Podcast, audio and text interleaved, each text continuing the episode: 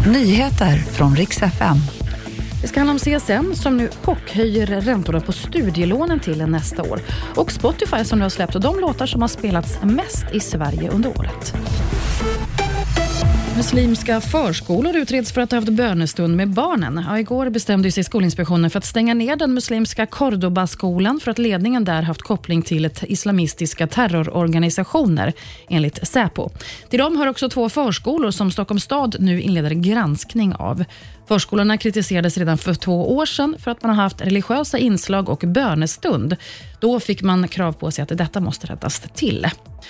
CSN chockhöjer räntan för studielånen. Nästa år så dubblas räntan. Från 0,59 så landar den nu på 1,23. För en person med en studieskuld på 300 000 så betyder det här en kostnadsökning på 912 kronor per år.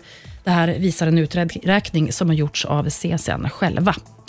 Så ska det handla om Spotify The Wrapped som har släppt för 2023.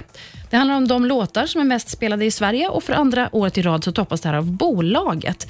Deras fjolårshit Kan inte gå, den hamnar också tvåa på listan och Loreens Tattoo kommer sen trea. Bolaget hälsar och bad skämtsamt om ursäkt till Loreen. Det sa nordiska musikchefen på Spotify. Jag heter Maria Granström och det var nyheterna.